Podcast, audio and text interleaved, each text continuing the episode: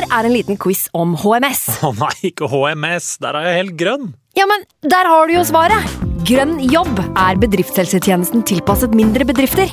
Våre HMS-eksperter hjelper mer enn 8000 bedrifter over hele Norge med alt fra lovpålagte HMS-krav til pålegg fra Arbeidstilsynet. Få på plass bedriftshelsetjeneste på grønnjobb.no. Hallo? Jeg kommer fra Oslo politikammer.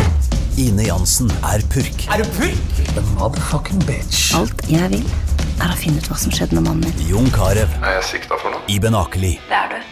Ole So, Lars Berrum og Big Daddy Karsten. Hvem sin side er du på, egentlig? Anette Hoff, Tone Danielsen, Kommer du fra Afrika? Jørnis Josef, Nesten. Kløfta. Trond Espen Seim, Det er synd å si det, men det var feil mann som døde. Purk. Premiere tirsdag på TV2 Play. Rosenborg skulle gå fra 3-4-3 til 4-3-3, men endte opp med 0-3 og null målen. Det er selvsagt bare tall, men tall kan være ganske vanskelig iblant. Bare spør Paco, som måtte bruke alt om fotball for å gjøre sine utregninger. Den siden er omtrent like troverdig som Snorre når han sier at han skal ta planlegging av episodene, eller at han skal være programleder. Litt som å styre en ubåt med PlayStation-kontroll, med andre ord. Tromsø kjører på videre og vinner nok en gang, og nå står medgangssupporterne i kø. Og når Bodø-Glimt gikk på en smell borte mot Godset, er det bare et tidsspørsmål før Frank melder overgang. Velkommen til en ny episode av Den 69. mann.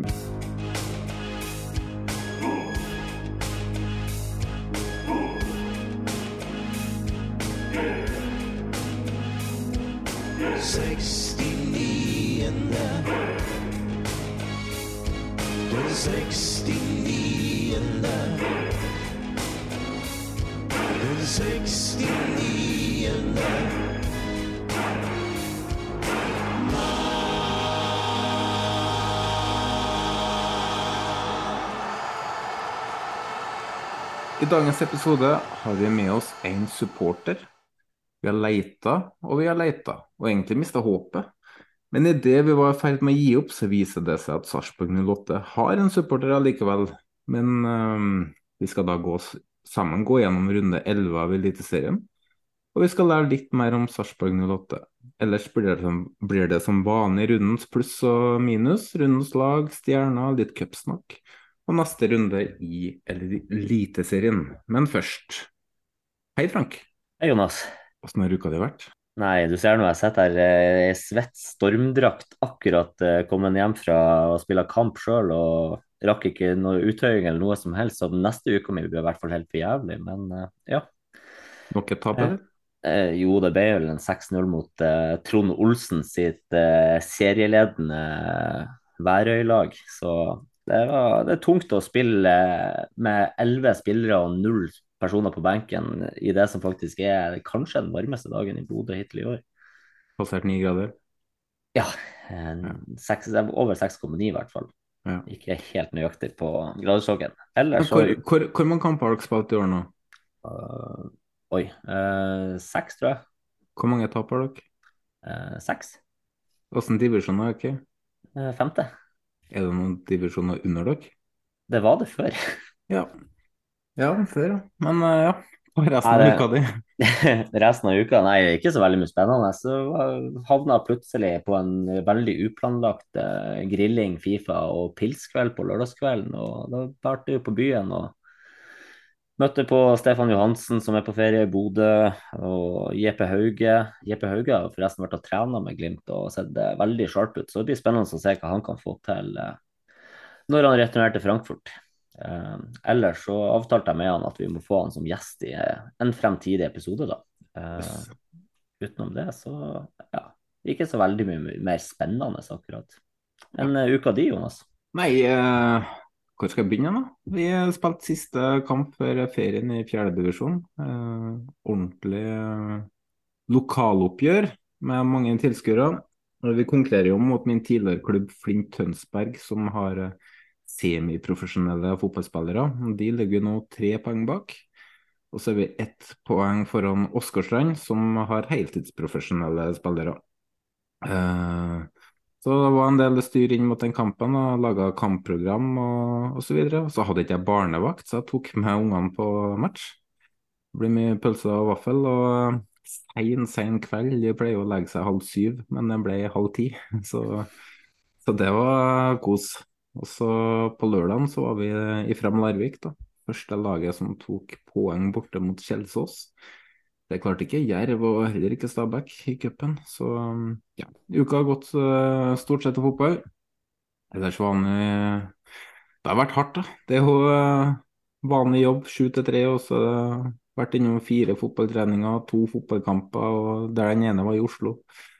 Så vært på familietur til Kongsberg og ja, så nå ser jeg egentlig fram mot uh, to uker ferie med familien. Nei, tre uker ferie om to uker. Så, um, men denne uka blir ikke rolig, den heller, for vi skal jo se på med tre podkastinnspillinger. Så, um, så det blir kult. Men jeg merker at det blir nok det siste året som um, ja, en av klubbene må gi meg, for å si det sånn. Jeg kan ikke drive på med det kjøret her. Og podkasten er førstepri. Så um, da må nok gjøre noen endringer til, til, neste år. Eller så kan jeg si at vi har bestilt nytt utstyr. Har du kobla opp dit, eller? Jeg gadd ikke. så vi kjører det vanlige, gamle i dag, men ja. Eh, jeg var henta midt på lørdag, da, så det er klart å få rigga opp. Så det blir spennende å se om uh, vi får bedre lyd ut av det nye utstyret. Ja, de sier så. Så vi, får, uh, vi har bestilt oss nytt utstyr, dyrt som faen, til tross for at Iver fikk denne til innkjøpspris. Så, så det blir bra. Enn uh, du da, Snorre? Snorre er selvsagt ikke til stede, men uh, det er vel ingen overraska over. Nei da.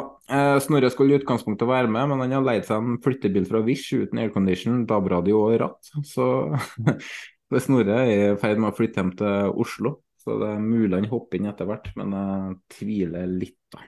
Men uh, vi har med oss en gjest i dag. Vi trenger ikke å sitte her og skravle. Uh, vi har med oss Mats Westberg.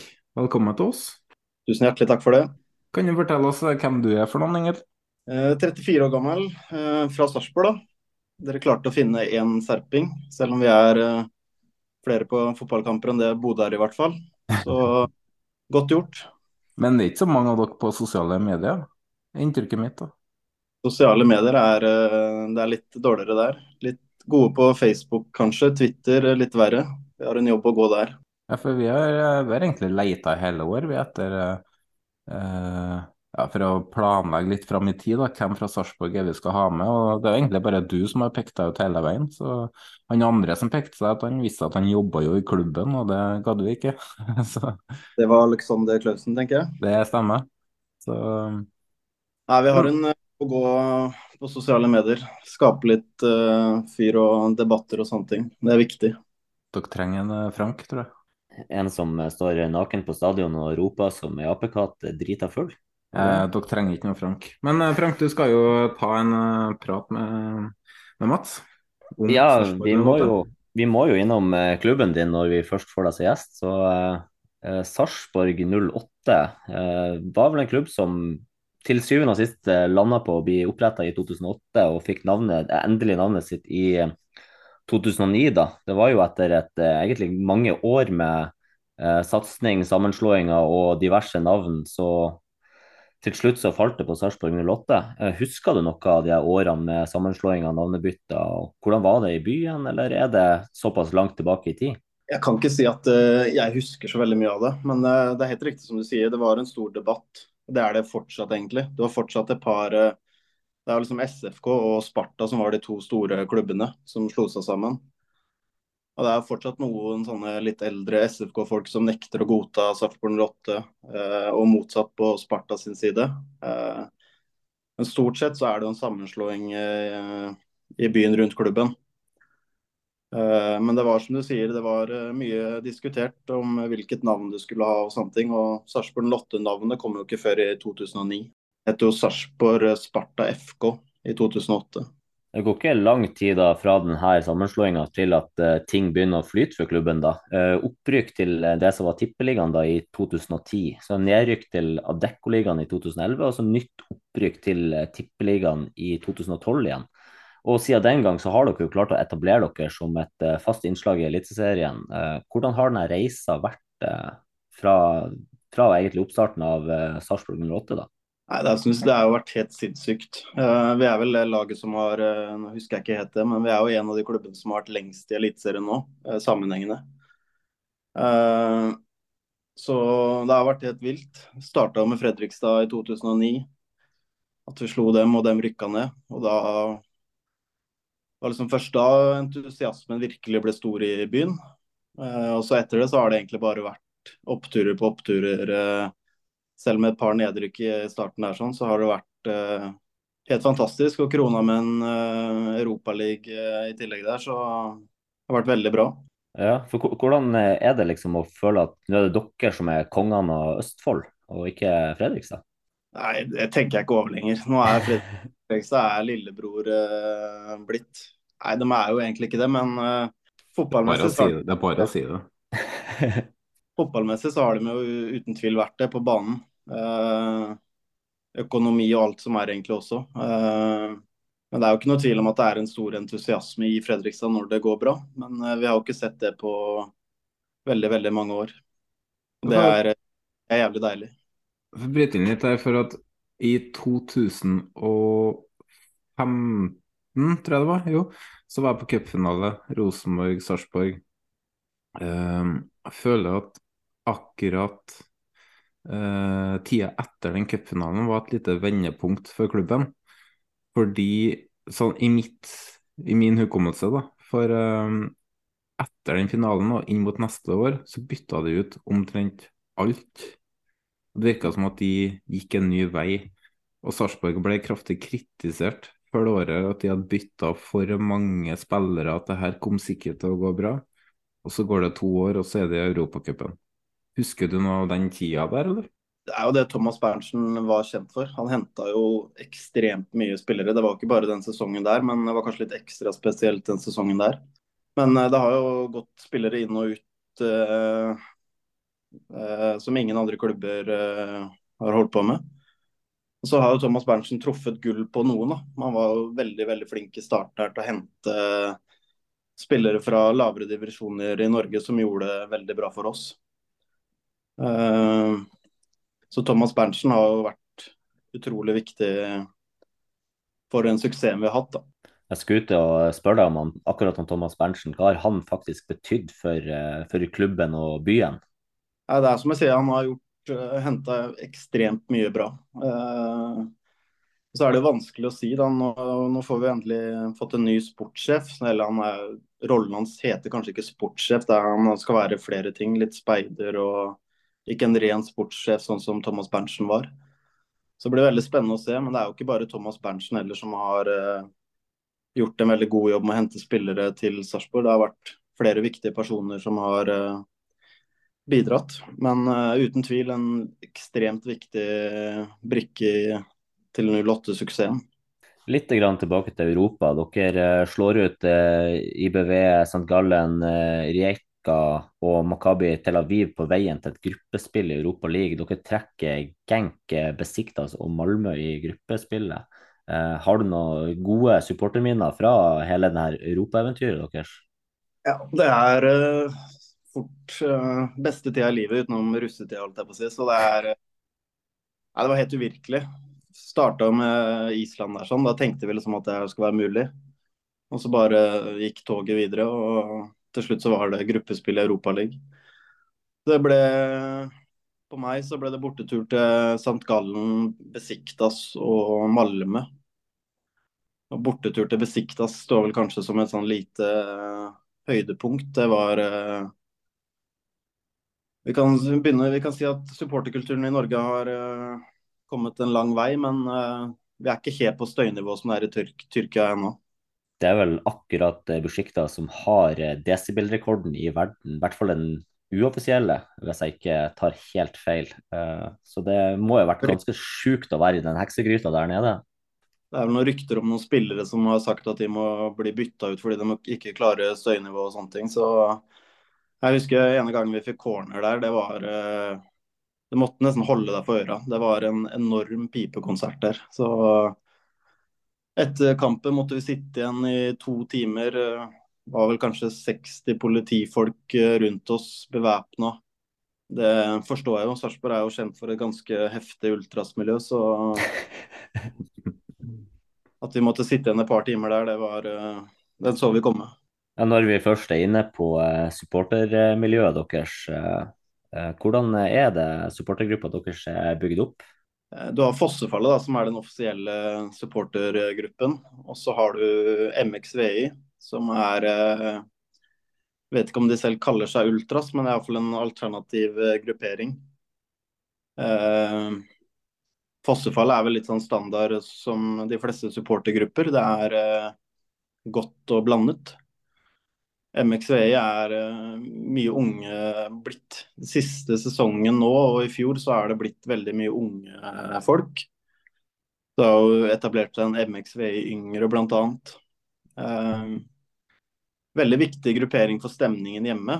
Uh, jeg mener at Sarpsborg er veldig undervurdert stemningsmessig på hjemmekamper.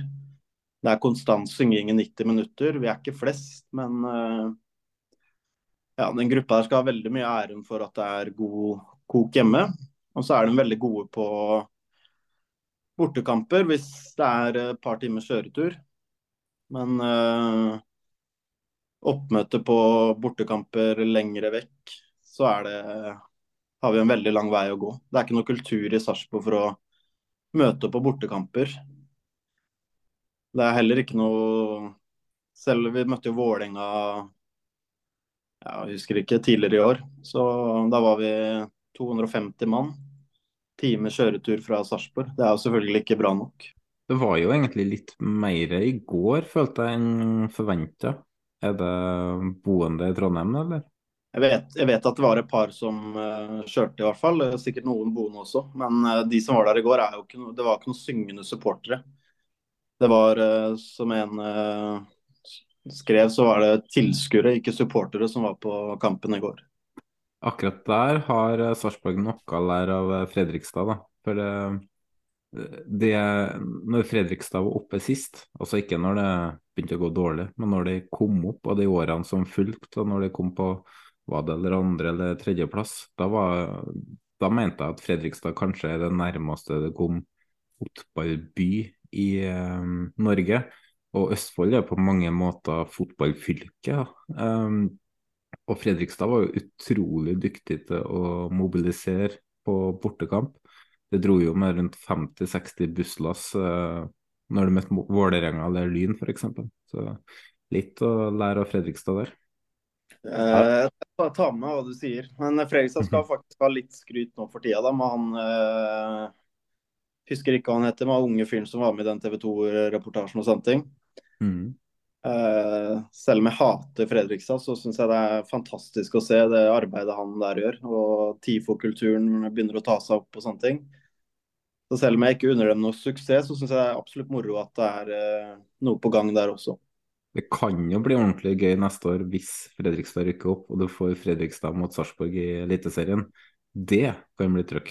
Ja, sikkert gøy for dere. For meg så er det bare et helvete. Det er noe jeg gleder meg til. Uh, alt å tape. Jeg syns ikke det er noe Jeg har ikke noe behov for det i to kampene i året der.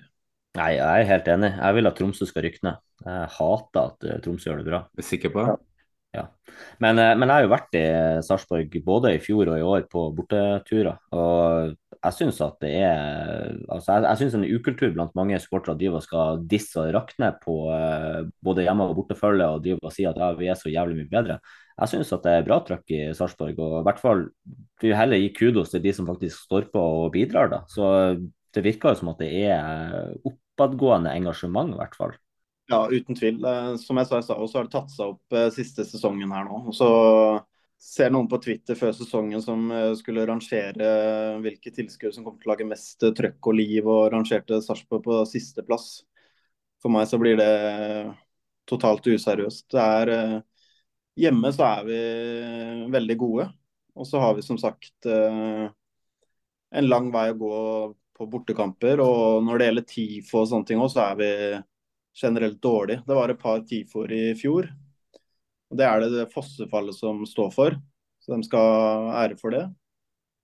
Men også der har vi en Det har vært litt pyro og sånne ting på borte- og hjemmekamper. Men uh, noe TIFO-kultur er det heller ikke, da. En ting dere er gode på, da. Vi hadde jo en kåring med Bernt Hulsker, der vi kåra beste supportersanger. Eller cupfinalelåt, eller hva det ble for noe. Uh, hymna, var det ikke det? Hymna var det. Um, og der hadde jeg Sarpsborg var det på første eller andreplass. For dere hadde en uh, veldig fin en der. Hvis det var hymne, da. Det er jeg litt usikker på. og dårlig for meg at jeg ikke har hørt den episoden. Det bør jeg kanskje ikke si høyt, men da skal jeg høre det, så skal jeg finne ut hva det var for noe. Ja. Helt til slutt så må vi jo snakke om uh, nutida i Sarpsborg. Dere var jo uh, et av de mest underholdende lagene å se på mot slutten av fjorårets sesong. Og det virker som at dere har fått inn en enda bedre solid defensiv ramme inn i årets sesong. da. Sarpelona er det jo noen som har valgt å kalle dere. I en liga hvor konkurransen er hardere enn noensinne, hvor godt kan han Stefan Billborn og dette Sarpsborg-laget gjøre det? Kan det bli medalje, og kan det bli nytt europaeventyr?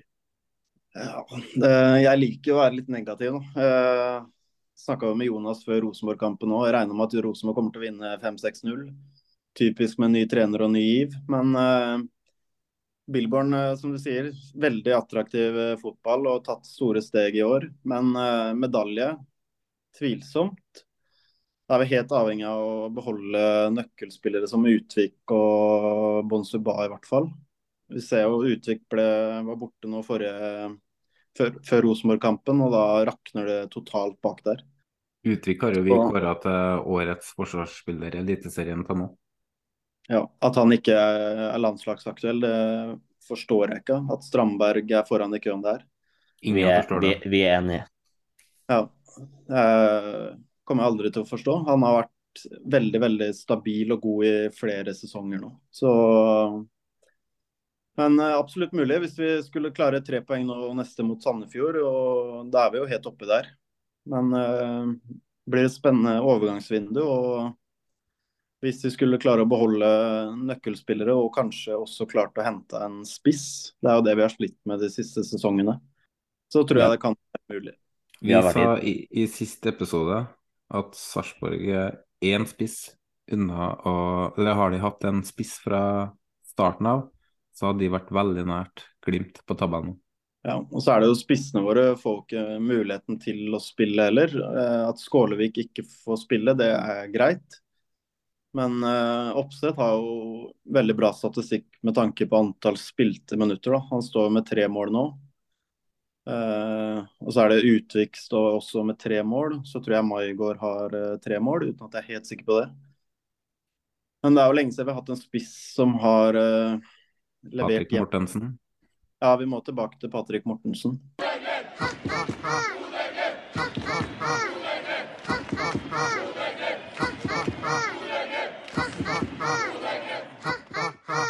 Vi skal over til runde 11 av Eliteserien 2023. og Da må vi naturligvis gå gjennom hver enkelt kamp. og Vi starter vi med Strømsgodset mot Glimt. For endelig, der satt den pinadø. Er det starten på slutten, Frank? Det er ikke starten på slutten, eh, det er det ikke. Men eh, all, all, all honnør til eh, måten Strømsgodset legger opp en plan og angripe den kampen der på. Det er så solid defensivt, det er så disiplin i hvordan de står.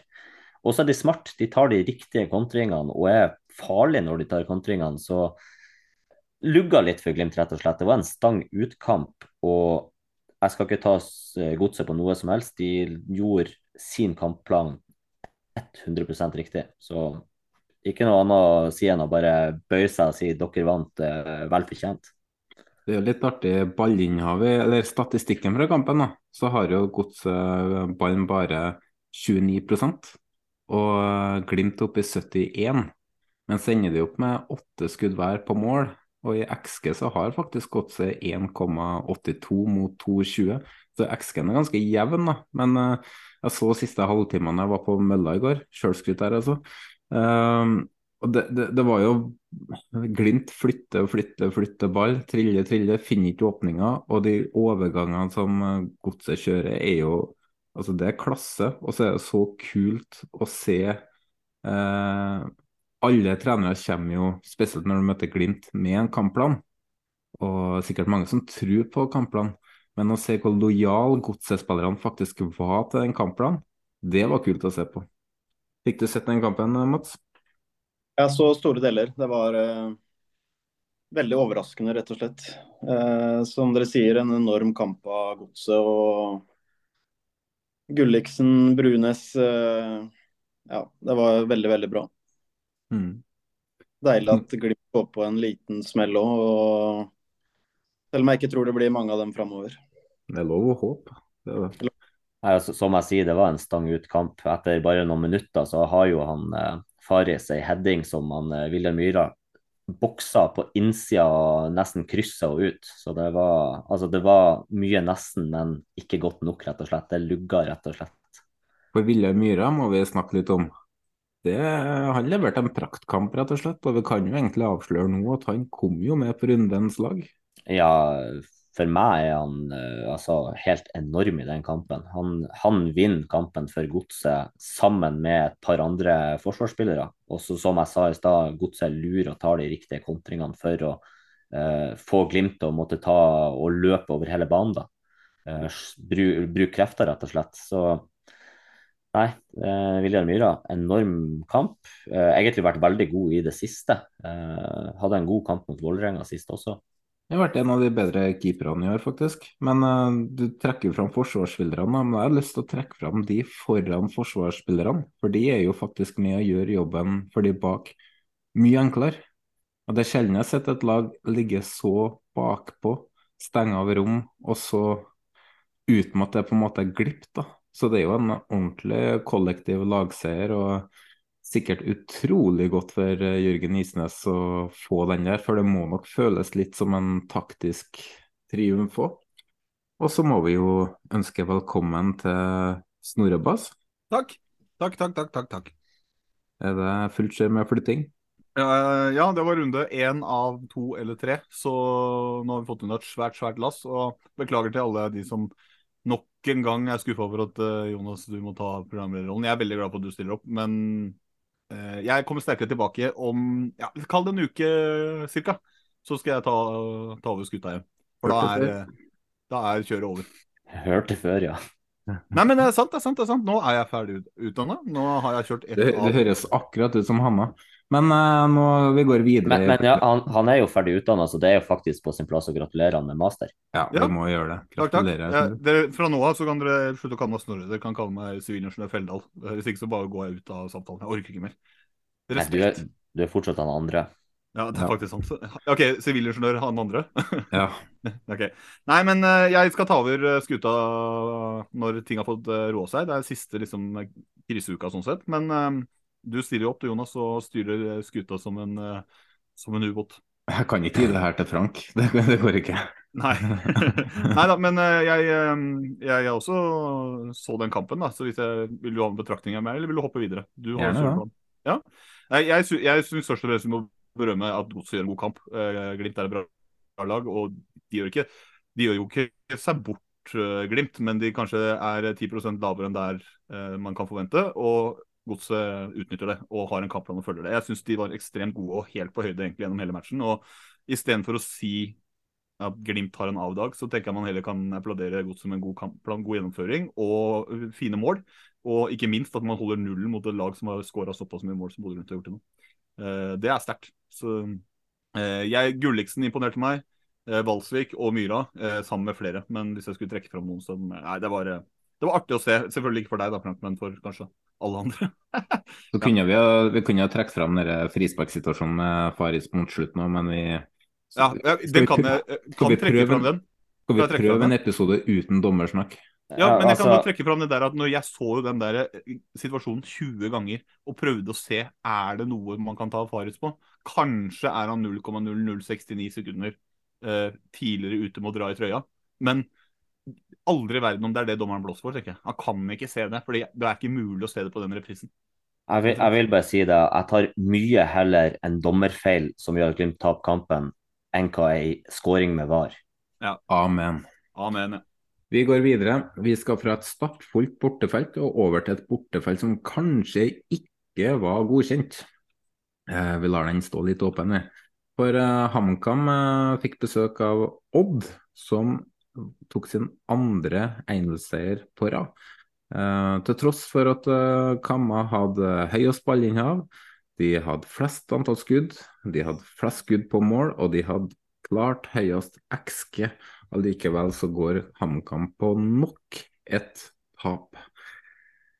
Noen av dere som fikk med dere noe fra kampen, eller? Vi starter med deg, Mats? Eh, Så høydepunktene på fotballkveld. Eh, Det er vel ikke mest spennende kampen, kanskje. Eh, Trekke fram eh, sjansen til eh, keeperen til HamKam på slutten der. eh, Ja, det er fint. At han ikke klarer å skåre der. Ellers så er vel største høydepunkt der eh, noe brusflaskekasting eh, igjen. Mm. Ja, du har ett høydepunkt før matchen, da. Det må vi nesten ta med. Hva da? Det, Ja. det, det med, med Paco og litt sånn med, med gule kort. Den er det Den er fin, du kan ta den, du kan ta den Snorre. Ja, nei, altså eh, Var det Solomon Ovusu som ikke var med i troppen? En Ovuse, i hvert fall. Ja, en av Ovusene. Og da ble jo spurt eh, Paco ble spurt og sier nei, han har karantene. Eh, for det har de sjekka på alt om fotball, for der står han med fire.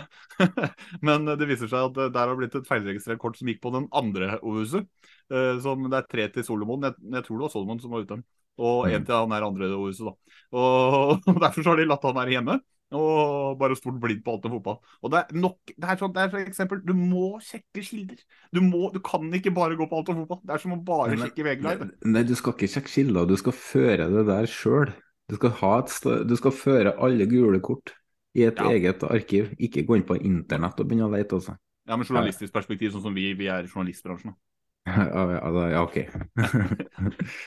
Nok da jeg leste det på Twitter, og jeg må høre med Klausen om hvordan de gjør det i Sarpsborg Lotte. Om, eh, det kan jo ikke være sånn at de fleste klubbene bruker det som en kilde.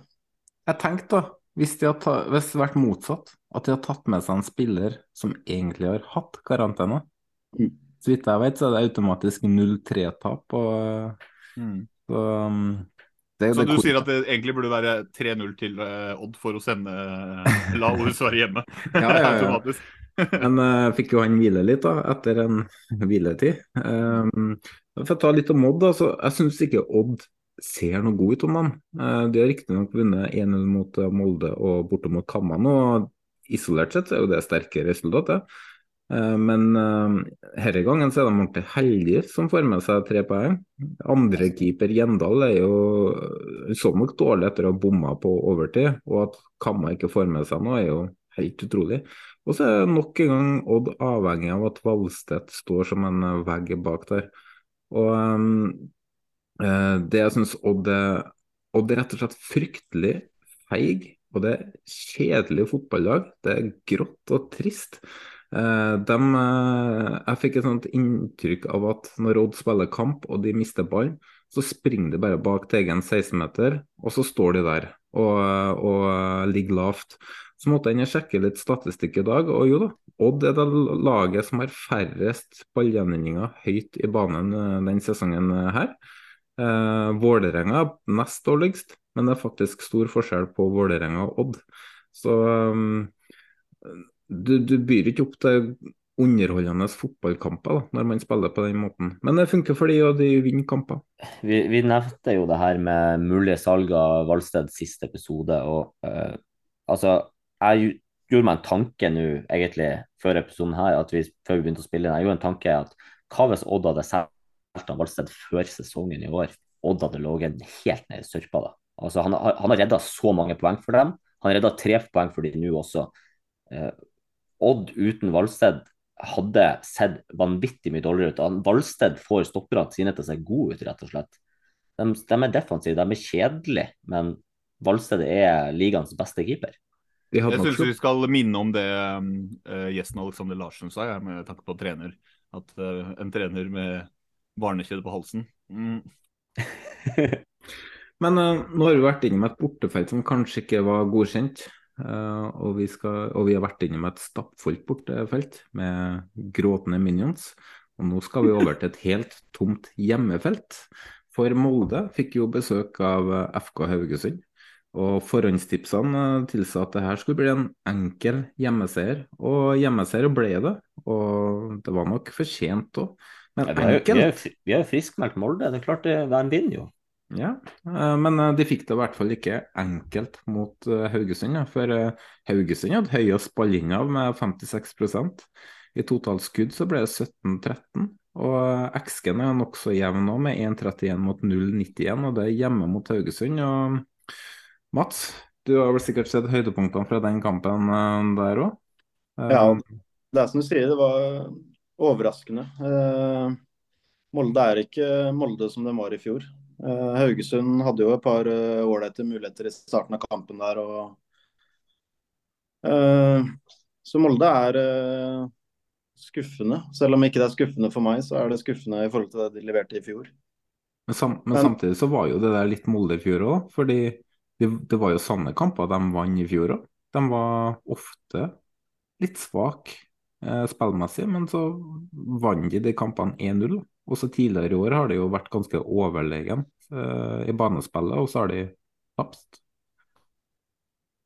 Ja, de bør jo få til mer med den uh, stallen og alt de har. Men uh, kan jo gi litt kreditt til Haugesund òg, som leverer en bra bortekamp der også. Absolutt. Snorre? Ja, nei, jeg bare jeg tenker på forskjellen på Molde 2022 og Molde 2023.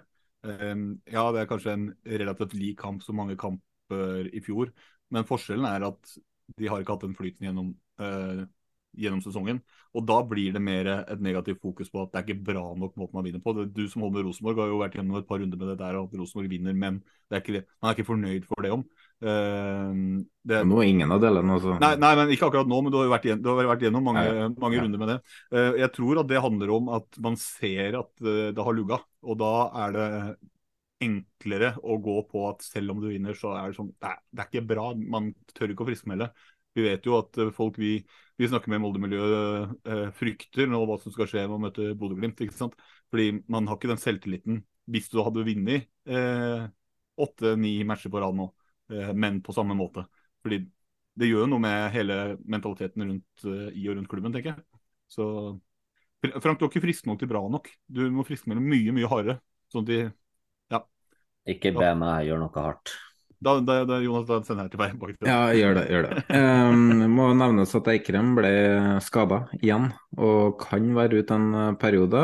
Og um, nå nærmer seg juli, og Brynildsen begynner å komme i form. Uh, det er vel annonsert eller nevnt at han fort kan være en spiller som uh, bytter klubb i, um, i sommer. Berisha ser ut til å ha vært et, i hvert fall fram til nå, vært et kraftig bomkjøp. Og Molde kan jo fort bli tvunget til å foreta seg noe drastisk på overgangsmarkedet nå i, i sommer. da. Men jeg, jeg, lurer, jeg, lurer, litt på om, en, om, det er noen klubber som faktisk eh, ser på han Emil Breivik. Da. Han har jo vært den mest klart beste spiller til nå i år. Ja, svak kamp nå, men, uh, men uh, absolutt vært den beste spilleren til Molde sammen med Martin Linnes. Um, men eh, vi, vi, må litt innom Haugesund òg. Jeg, jeg, jeg, vil gjerne gjenta meg sjøl for tiende gang. Vi spådde jo at Haugesund ville få en tung start, men at de sakte, men sikkert ville komme seg. Og sjøl om uh, med et forventa tap mot Molde, så ser det ut som at vi har vært inne på noe i forhåndstipsene der. Altså, for de begynner å se mye bedre ut nå, på samme måte som Gods, egentlig. Hva tenker du om uh, Haugesund, Frank? Nei, nå har de jo hatt eh, to seire rett før denne landslagsoppholdet, da. Eh, så da kunne man jo kanskje tenke at de er i gang. Og det å dra til Røkkeløkka og tape med kun ett mål, eh, egentlig levere en bra kamp og tidvis var skummel for Molde å håndtere. De, altså, Haugesund kunne ha fått med seg noe derfra. Så litt tilbake til det vi sa, ja. Det kan se ut som de begynner å få maskineriet i gang. Og så igjen får de et unødvendig rødt kort helt på tampen av kampen. og det er sånn sånne viktig, ting viktig spiller òg. Ja, sånne ting kan bremse momentumet du har begynt å bygge, da. Mm. Ja, absolutt. Og, um, og, det er ikke mange ukene siden vi hadde en episode hvor vi um, diskuterte Grindhaug, Rekdal og Fagermo. To av de er nå borte, mens Grindhaug sitter nok kanskje litt tryggere. Men uh, vi skal over til en annen. For uh, Uh, Snorre har egentlig laga en spalte til meg. Jonas sine tips fra lavere divisjoner. Ja, jeg laga navnet på spalten. Du lagde spalten helt selv. Ja, ja, det, men... Uh, men... jeg identifiserte at det var en spalte.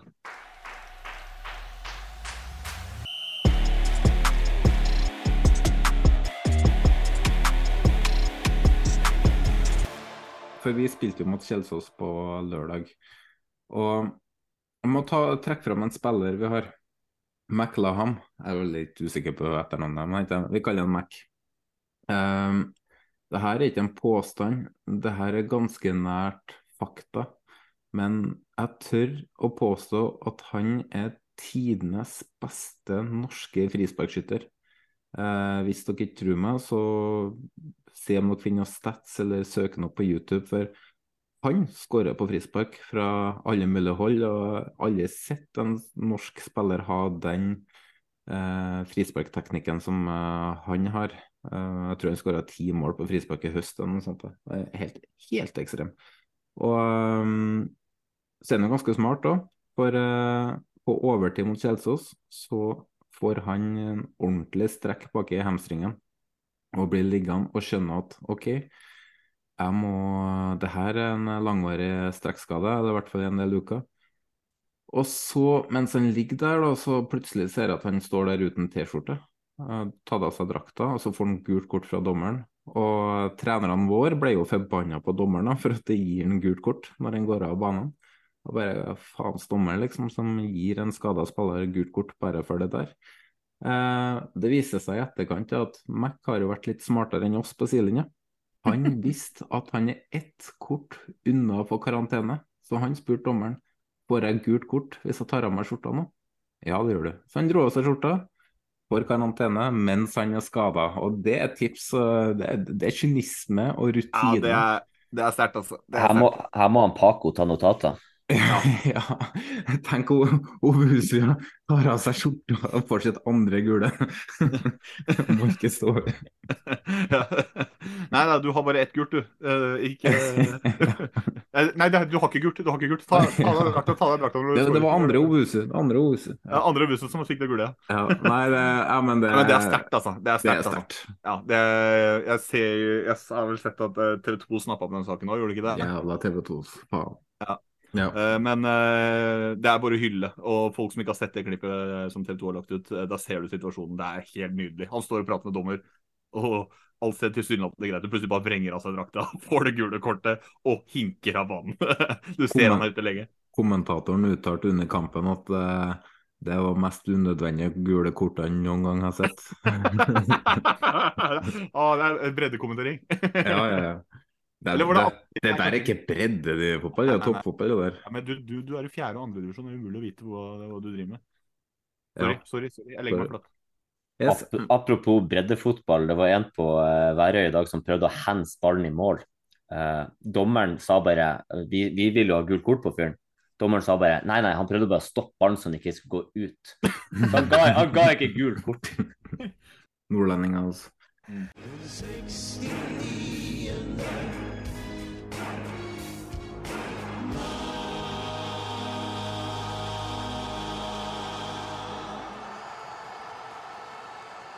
Vi skal videre uh, til Viking Brann, hvor det endte 3-1. Jeg fikk ikke sett på den kampen, for jeg var jo opptatt med egen kamp. Men jeg ringte deg underveis i kampen, Frank, og du satt ordentlig fram på stolen og var ordentlig entusiastisk og ble underholdt, kan du si. Bra kamp? Jeg ble underholdt, ja, for det var en jævlig bra kamp. Det var to gode lag. Uh, og så er det jo litt det her det at uh, Brann kan du på en måte sammenligne litt med Glimt. De liker å ha kontroll på kamper før uh, banespill osv. Mens Viking de er et forbanna kaoslag som elsker rock and roll og bare peis på frem og tilbake. Den kampen der fikk Viking inn i sitt spor, og det er grunnen til at Viking vinner. Viking er vant til at ting skjer i begge ender. Det er kontringer hver vei. Det var to gode lag, men Viking kan den der fotballen bedre enn Brann. Derfor ble det 3-1. Fullt fortjent. Mats, det er to lag som uh, kjemper ganske tett med Sarpsborg på tabben. Det, hvem av de to lagene er du frykter mest? Oppi der. Sarpsborg, litt... Sarpsborg er oppi der. ja, nesten i hvert fall. Men jeg blir litt Beskjedent, altså. Ja, det er beskjedent. Hvis jeg er oppi der. der er, han er Rune, han er Viking. Sjetteplass er liksom ikke oppi der. Tredjeplass og oppover er liksom Da snakker vi. Men, Vet du hva eh, som ikke er oppi der? plassen ett poeng over kvalik. Det er ikke oppi der, det. Det jeg skulle ønske jeg var på sjetteplass. Vi kjenner til den plassen der godt, vi òg. Ja, du gjør det. Viking er et lag jeg ikke blir helt klok på. De uh, skårer mye mål, slipper inn mye mål. og Jeg føler det er litt sånn uh, jojo. Men uh, de plukker jo jevnt og trutt med poeng da, og ligger uh, på fjerdeplass der. Det virker som Viking ønsker at kampene skal være litt åpne, fordi de vet at de mestrer det. Men vi må snakke om rammene. Uh, rammene rundt kampen. For kampen i seg selv, Frank, du digga jo den kampen. Jeg fikk ikke sett hele den, men oppbygninga med Eh, litt drittslenging og reaksjoner og vestlandsderby og TIFOR eh, og sånne ting. Det, det, det, vil jeg bare trekke fram. Da. Det er alltid gøy. Og jeg, jeg, vil si det er ekstra gøy at Viking Det er vel Roar Åkerlund som melder eh, litt ekstra hardt og kjører begrepet at uh, er Norges kakerlakker. Mm. Uh, og det alle plugger. Man kan si hva du vil om kommentaren, jeg skal ikke legge meg bort til det. Men da at Viking også drar hjem en seier som gjør at Brann får ikke gleden av å måtte heve seg over det. Ja, det er, det er fyr i teltet. Det er, det er, gøy. Det er for oss som sitter utenfor, da, selvfølgelig. Det var jo drittslegging begge veier og ja, utsolgt stadion og godt, uh, godt kok mm. fra begge supporterfelt, sånn som man hører det på TV. da. Uh, Deilig det, match. Det er ja, det der. Hele, hele, opplegget. Matchen i seg selv, det jeg fikk sett, nydelig match. Men rammene rundt også, nydelig. Sånn det skal være. Viking er veldig god i medgang. Og det så vi i fjor. ja. Supporterne utrolig gode fram til 17. mai. Men ja, altså, du må ikke, må ikke, trekke alle under én kam, for det er noen som er gode. Ja, ja, ja. Dans, de, det må vi bare trekke fram her også. All altså, ære til de som er der mm. hele veien, i motgang og medgang. All ære til de. Men eh, det er jo bare å se på oppmøtet når det går bra og går dårlig. Det er stappfullt når det går bra. Og så er det glistent når det ikke går like bra. Da. Så mm. det har litt å løfte der da, når det kanskje brenner på dass. Frank. Eh, det er jo ikke noe tvil om at eh, Felt O og den jobben Felt O har gjort siden nedrykket deres, eh, der har det vært progresjon og entusiasme helt siden da. og Det er en kjempejobb. Men jeg vil trekke frem noen ungdommer på Stavanger stadion, eller Viking stadion SR Bank Arena, for faen. Uh, det er en de kaller seg Drømmen lever. De drar etter kamper, intervjuer spillere, intervjuer TV 2-reportere, alt mulig. Det er dritkult engasjement fra noen ungdom som uh, Du ser dem brenner for det, da. Og det, de er flinke også. Stiller gode spørsmål, har gode analyser. Det er dritkult at, de, at det finnes den type engasjement i Stavanger. Altså, klubben er veldig flink til å ta vare på det òg og åpne seg opp for dem og hjelpe dem på veien. Og, eh, jeg lurer på om det er et par uker eller måneder siden så jakta de eh, podkastutstyr. Og jeg lurer på faktisk om Kjartan Salvesen og klubben bare hjalp de med det. Så hvis det stemmer, da gjerne skriv til oss hvis det stemmer. Men det er i så fall utrolig bra gjort, da. Men eh, vi, vi, går videre. For eh, det ble spilt en kamp oppe i Tromsø. og det ble kanskje null poeng borte mot Godset, Frank, men du fikk nok bedre med deg en hjemmeseier den gangen her òg, når uh, For um, det, Høg, høg bare, bare, for at, bare, for at, jeg faktisk skryter av uh, Tromsø for at de faktisk er gode i år, så må du ikke drive og legge på meg det her forsvarsstempelet, altså. Ja, du sa jo det i chatten, eller når jeg, du og Frank, Snorre snakka i går, at du, du var, er TIL-fan. Det, det, sa jeg ikke. jævla, jævla fjott. Men uh, nummer 69 Høg ga jo Stabæk en drømmestart borte mot Tromsø. Og, uh, men de fikk ikke være lenge i ledelsen. For uh, skåringa av Painsila Erlien snudde kampen. Og Frank Skoggutta fikk jo tre poeng nok en gang. Og er nå oppe på andreplass på tabellen med én kamp mindre spilt enn Glimt på første og Brann på tredjeplass. Og uten å, å ha fasit av hånda, så må det være første gang i år hvor Stabæk faktisk har høyest ballinnehav. Eh, men det hjalp så lite, for um, det var hjemmelaget som skapte de fleste målsjansene. Eh, du så jo den kampen, eh, Frank. Ikke så overraskende, men eh, hva du syns du? Jeg, jeg, jeg, jeg så på den med ett øye, for jeg så på Fotballekstra. Men ja, Tromsø er jo det laget som skaper mest og er eh, best i banespillet. da. Og så vil jeg trekke frem Yttergård Jensen. for Jeg, føler at han Yttergård Jensen er mannen som vinner kampen for Tromsø, egentlig. Eh, han, han, stabiliserer det laget og har kontroll på midtbane. Så er det, det er mange man kan trekke frem, selvfølgelig. men veldig fin assist og skapende også for Tromsø. Eh, det er fortsatt kraft i den gamle ringreven der, altså. Mats, når skal Tromsø falle av lasset? Ja, godt spørsmål. Jeg sitter og ser på lagoppstillinga til Tromsø her nå. Det er eh, Jeg skjønner ikke at de ligger på andreplass. Uh, nå er ikke jeg en som kan navnet på absolutt alle spillere i Eliteserien og sånn, men jeg føler det er helt profilløst, det, det laget der. Uh, så det er helt uh, rått at de klarer å ligge oppe på andreplass der. De Mm. fikk med ufortjent seier mot oss der oppe. Uh, men jeg klarer ikke å skjønne hvis at det laget her skal havne topp fire, topp fem. Men, men skal vi prøve å trekke en eller annen form for parallell til liksom Glimt eh, 2019, kanskje? Eh, ikke, ikke på alle mulige parametere, men det var jo også et relativt kan du si, profilløst lag sammenligna med det Glimt vi ser nå, hvor eh, det er etablerte navn og stjerner, og noen UCL-utvikla, mange også har kommet i ettertid. Men eh, er de gode nok over tid, så blir det profiler. Eh, Ja. så, og det er kan- med det de, det er det er det de lykkes med der. Det kan man jo si, det, kan man jo si når man ser tilbake på Glimt 2019 òg. Ja, Lajoni, for eksempel. Ja, Ja, Evjen. men, ja, men det, er det, det er det som er poenget mitt med parallellen her. At eh, det de er i ferd med å gjøre, er at hvis de klarer å holde dette gående enda litt lenger, så er de i ferd med å utvikle spillere fra å være relativt uh, ukjent og middelmådig, tror man, til å bli profiler og dominerende.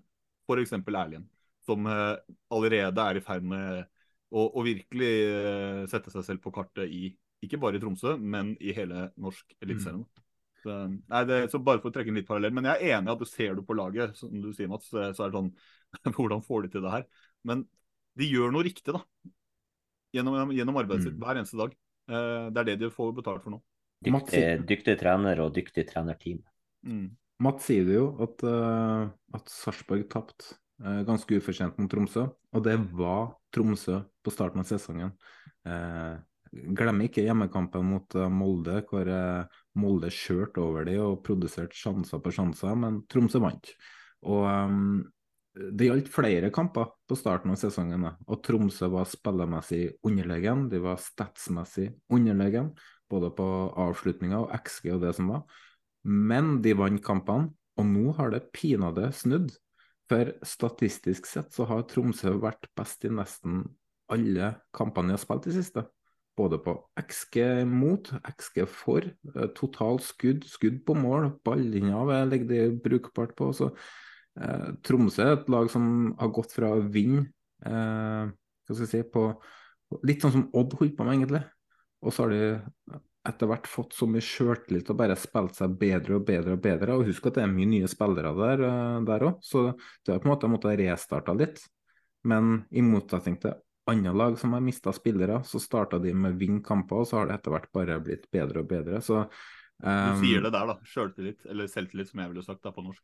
Eh, eh, men eh, ja, men det de eh, gjennom noen heldige resultater i gåseøynene eh, Det ble en del av de, så kan man diskutere da hvor heldig er det egentlig. Men du tør å slippe opp litt mer. Du tør å, å by, på, by opp litt mer til dans da, når du har fått en god rekke med resultater. Du tror litt mer på egentlig alt det du driver med på treningsfeltet hver eneste dag. Så hvis Gaute Helstrup innfører noe nytt Ja, spillerne sier de sverderer svelger rått, ikke sant? fordi Mm. alt bare glir om dagen.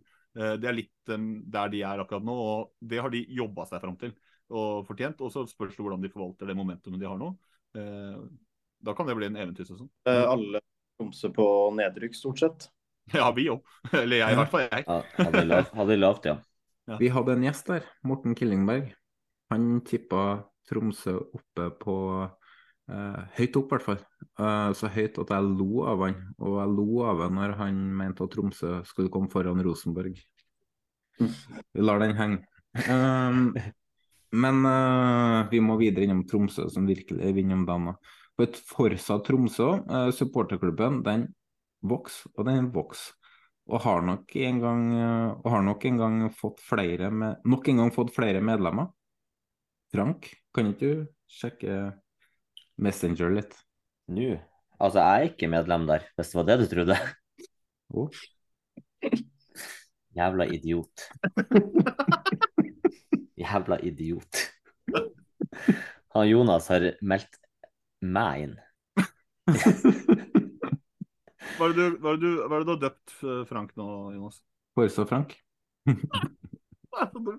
Ja, Men det her, her er jo det her eh, humoren til Jonas gjennomgående. Det er liksom posevitser med deg og så er det sånn her. Altså, det verste er at Jonas han blir, han blir å kjøre på det her i en måned før han går lei, liksom. Nei, du, du, medlemskapet ditt er gyldig til 31.12. Ja, det, jeg trøster meg med det at det er du som har eh, meldt eh, deg inn der, og så har du lagt nav, nav, navnet ditt på meg. Men du kan også trøste deg med, Frank, at eh, Jonas har satt en ny list på hva som er lov. så Det alt er Men, lov. men, men som supporter, eh, og det her er jeg Glimt-supporter, men det er gøy at det er engasjement og vekst. Det vil jeg hylle over hele landet, uansett hvor det er. Det er kjempegøy at det Og du bidrar! Det er kjempebra, Frank. Det har betalt 200 kroner medlemsavgift for deg. Og du har fått en hilsning fra Morten Killingberg, lederen av Forsa Tromsø. Skal jeg lese den for deg her? Ja, Kjære les i vei. Kjære Eh, de kommer faktisk over 120 stykk ned midt i uka til cupkamp. Det er kult. 121 nå. Kjære Frank. Velkommen som medlem i Nord-Norges beste supportergruppering. Det er hyggelig at du gjennom medlemskapet ønsker å støtte oss. Dine banter mot TIL og Forsa Tromsø er egentlig kun et skalkeskjul for din kjærlighet for det røde og hvite idrettslaget. Nå som du har en fot i begge leirer, blir vel onsdagen en hyggelig dag uansett, da. Heia TIL! Det var jo det Jeg, var jo gul, jeg gulpa litt i munnen. Men eh, så da vet du det. Frank er medlem i Forsa TIL. Og ja, jeg, men jeg, jeg, eh, Bra prank, Jonas. Eh, Frank, jeg forventer, eh, jeg forventer at du tar det til etterretning, og at du gjør noe Ja, du, bare, du vet hvor lista ligger, da. Ja, ja da, altså. Nå er det bare å bestille et eller annet gøy til han Jonas. jeg kommer til å ta imot det uansett. Kommer jeg og legger på døra i morgen. Put on Rihanna with Diamond. Den inn. Ja. Nei, men uh, artig, artig prank, Jonas. Du skal få, få, få for den. Takk for det. Takk for det.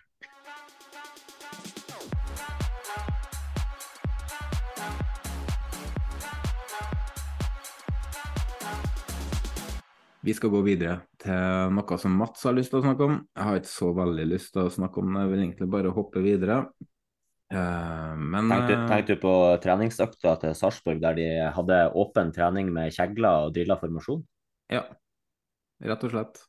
Ehm, Mats, vi snakka en del før matchen, og du var jo ganske negativ på Sarpsborg sine muligheter. Sjøl om jeg forsøkte å fortelle noe annet. Uh, Hvordan opplevde du kampen? Nei, og at jeg, jeg sa det vel i stad òg, at jeg er negativ er eh, det er jeg alltid. For da blir jeg heller bare positivt overraska. Men eh, jeg hadde virkelig ikke troa. Eh, standard med ny trener var det Rosenborg får litt ny giv, men det var jo rake motsetningen. Sarpsborg leverer en sinnssyk kamp fra start nesten helt til slutt. Rosenborg presser litt siste fem-ti minuttene der, da vi spiller med et B-preget lag spiller med spillere som gjør sin eliteseriedebut, bl.a. borte mot Rosenborg, så det er jo greit. Og så Hvis jeg ikke tar helt feil, så er det vel tredje året på rad vi vinner på Lerkendal. Stemmer det. Det er det vel heller ikke mange som har gjort. Det er mange som kommer til å gjøre, si. Ja. Ja. Nei, Vi leverer rett og slett en veldig, veldig god kamp. Og Rosenborg deretter eh, fryktelig svake. Mm. Du sier jo det at eh, når et lag får en ny trener, så er det vanlig at man får ny giv, men det er jo gjerne et lag som har slitt stort, da. Eh, For de to siste kampene til Rosenborg før de bytta trener, så var det jo egentlig eh, litt på gang. Det, altså, det knuste jo HamKam, og de um, var ikke elendige borte mot Stabæk. Det var sånn OK plusskamp, egentlig. Um, så, så det mister jo den derre boosten. da. og så I tillegg så skal jo Rosenborg gå fra å spille 3-5-2 til å legge om til 4-3-3. Større omlegging enn det er jo nesten ikke mulig å, å få. Så ting vil jo ta tid. Det måtte jo vært fra 3-3-4 til eh, 4-3-3. ja. Som du er så glad i. Ja, altså, eh, det var veldig, For Rosenborg sin del så var det veldig rotete, uorganisert. På midten så lå det en flatt femmer eh, med høler, eh, som i tillegg var for brei. Eh, De var veldig rotete i frispillinga. Um, ble mye bedre når de fikk inn Sæter i andre og var litt mer direkte. Um, Men det er mye god læring for dem, og, og um, må nok få til et langt bedre organisert uh, Bli bedre organisert både høyt og lavt press, da. Spesielt defensivt. Det er jo nødt til å bli mer kompakt uten ball. Uh, og så bør det kanskje være litt simpel i, i um, spillet sitt framover nå, med å kanskje være litt direkte på Sæter feilvendt. Det, det elsker jeg, Jonas, det at du har skrevet i episodeplanlegginga. Mindre fokus på Rosenborg. Ja, men Men, men jeg, jeg, vil skyte inn en ting her om Sarpsborg. Eh, hvor mange lag er det som har høyere bunnivå enn Sarpsborg i Eliteserien? For jeg syns de er knallsolide og er egentlig alltid gode, da. Altså, på en dårlig dag så er Sarpsborg fortsatt bra. Ja, altså Hvis jeg skal ta det helt tilbake til uh, hele starten av sesongen, som er egentlig den eneste Sarpsborg-kampen jeg har sett live, uh, Vålerenga-Sarpsborg uh, 02, så tenkte jeg da at Vålerenga uh, fortjente bedre. Men etter hvert som sesongen utvikler seg, så er det egentlig bare symptomatisk med hvor solid de har vært. Uh, fordi Vålerenga skapte ingenting, nærmest. Og ble egentlig tatt på senga med flere anledninger, spesielt på overganger. Og det, det, trodde jeg kanskje var litt sånn defensiv tilnærming. Det var tidlig i sesongen, men det er jo langt fra det. Det er, det er et bra fotballag. Mm. Det det Hvis, altså, hvor mange lag er det da som har et høyere bunnivå enn Sarpsborg, egentlig? Ja, glimt, glimt, da, kanskje. Ja, altså Glimt hadde bunnivået sitt nå i helga, kanskje. I hvert fall det vi har sett til nå i år. Det var Glimt mm. sitt bunnivå. Uh, jeg ser egentlig ikke så veldig mange flere lag som er mer solide enn Sarpsborg på en dårlig dag, da. Nei. Det er igjen veldig avhengig av nøkkelspillere. Da har vi Utvik sona eh, karantene for rødt kort i cupen. Ja, den kamp, kampen mot Viking, ja. Ja, det er bare et helt annet lag. Eh, men eh, med alle spillerne tilgjengelig, så er det veldig, veldig godt fotballag. Mm. Mm. Ja, kanskje... ja, man kommer ikke utenom Sarpsborg uh, nå lenger. Altså, nå har man sagt, uh, sagt, det lenge på en måte at var... Oi, plutselig var de der oppe. Men altså, nå, jeg tenker, jeg tenker, Hvis, hvis Sarpsborg bare får økt toppnivået sitt det, Vi var inne på det litt i stad, mangla kanskje en spydspiss. Et, et, høyere toppnivå for Sarpsborg er jo altså Bunnivået deres er jo knallbra. Så løft den øverste prestasjonen også enda mer, så, så er de helt der oppe. Ta, ta litt av lagene som ligger rundt Sarpsborg på tabellen. da. Så har du uh, Glimt på første, har Faris Pemi på topp. Klassespiss. Uh, har vist seg, i hvert fall. Er det Tromsø på andre har Erlien, som har levert en fantastisk god sesong til nå. Brann har Bård Finne, som har vært en av de bedre. Viking har Salvesen og, eh, og Diagostino. Molde har Brynildsen, som ligger på plassen over Sarpsborg med en kampspill. Og Berisha. Ja, ja. Bak Sarpsborg så har du Lillestrøm med Akor Adams. Så klart, og så er Sarpsborg midt inni der med en kamp mindre spilt enn flere. Og, og um, står med 18 poeng, da, og kun 5 poeng bak Tromsø. Uh, de er 3 poeng bak uh, Brann, som har én kamp mer spilt, uten en spiss som egentlig er på det nivået der. Så, og nå kommer det en sommer. Jeg er ganske sikker på at de kommer til å intensivere en ordentlig kamp om å finne en spiss. Og jeg nevnte enten siste episode eller tidligere, Mats, at en spiss som jeg tror hadde passa veldig bra inn i Sarpsborg, det er Kasper Haug. Og så vet ikke jeg hvordan låneavtale um, Stabæk har uh, der, om det er mulig for klubben som eier den, om de kan uh, avbryte lånet og så selge den, f.eks. Uh, for han tror jeg har vært perfekt for det Sarpsborg-laget der på topp. Vi trenger uten tvil en spiller som eh, kan skåre litt flere mål enn Skålevik og Oppsett f.eks. Eh, det er jo det vi har slitt med i mange sesonger. Eh, nå blir det spennende å se hva den nye sportssjefen Han har jo sikkert noen kontakter, han kommer fra Hekken. Så kan det fort bli noe at han henter noe fra Sverige. Vi har jo et svensk trenerteam og en svensk sportssjef nå, så det er mye svensk-inspirert på det laget her nå. Men eh, med en eh, spiss som hadde skåra tosifra mål, så har jeg troa på nytt europaeventyr. Mm. Børven, hent børven. Uh, det verste er at Børven hadde blitt toppskårer i Sarpsborg. Ja, det er verst alt. Ja, det kunne han fort ha blitt. Ja. Um, men uh, Sarpsborg 08 er imponerende sko, også, som vi har nevnt her. Og man kan godt snakke om hvor gode de er med ball, for det er veldig um, kalkulert når de har ballen bakfra. Spiller ikke med sånn ordentlig høy risiko, sånn som de gjorde i fjor, der de var veldig naive. Men allikevel så er de modige når de forsøker å Det er veldig kontrollert da, når det trer seg gjennom eh, ledd. Men det som imponerer meg mest med de i den kampen her, da, det er jo uh, hvor modig og tøft de er, det høye presset. Nå var de nok sikkert klar over at Rosenborg var shaky, og det visste jo Rosenborg ganske tidlig også, så da kunne de flytte opp folk. Og, og i tillegg så gir de de ordentlig tro på at uh, her er det bare å stupe inni. Og um, Nei, altså det, De er så kompakte uten ball. Det de sleit med i fjor, har de virkelig eh, blitt mye bedre på. Jeg så jo, Billborn har jo sagt at de vil heller vinne 5-4 enn 1-0, men uh, det har jo kanskje jeg blitt Det du sier sammenligna med i fjor, da. da vi, vi gikk jo på åtte strake tap der, var det vel. Mm.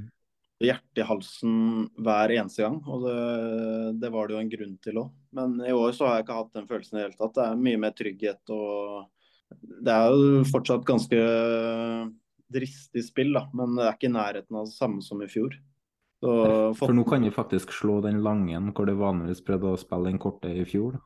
At de um, litt mer Nei, I fjor var det jo ekstremt, så mm. det har blitt mye mer trygghet i laget. Og så har Billborn vært der eh, noen måneder ekstra nå i forhold til i fjor, så da blir man jo tryggere på spillestilen og han får det jo mer som han ønsker. Mm. Hamar og sa det når han kom hit, at dere spilte jo en fantastisk fotball i Hammarby òg. Han hadde vel, eller har vel skåringsrekorden med Hammarby, hvis jeg ikke husker helt feil.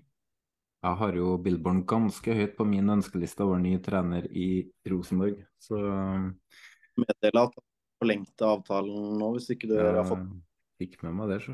Det har aldri stoppa Rosenborg. Det har aldri stoppa Rosenborg. Billborn går jo ikke ned i karrierestigen. Og Tromsø-supporter.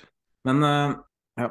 Men uh, Sarpsborg har jo litt uh, tur i kampen her òg, for ja, nå er jo 0-1. Det er jo ufattelig svakt forsvarsspill. Og der, det så jo ut som de som spilte bak det Rosenborg trodde de spilte med en femmer ennå. 2-0 går jo via, via Yttergård Jensen, som er fryktelig passiv i Vikne. Som gjør at skuddet går via og i mål, så det er jo en flaks som på en måte Sarpsborg gjør seg fortjent. da.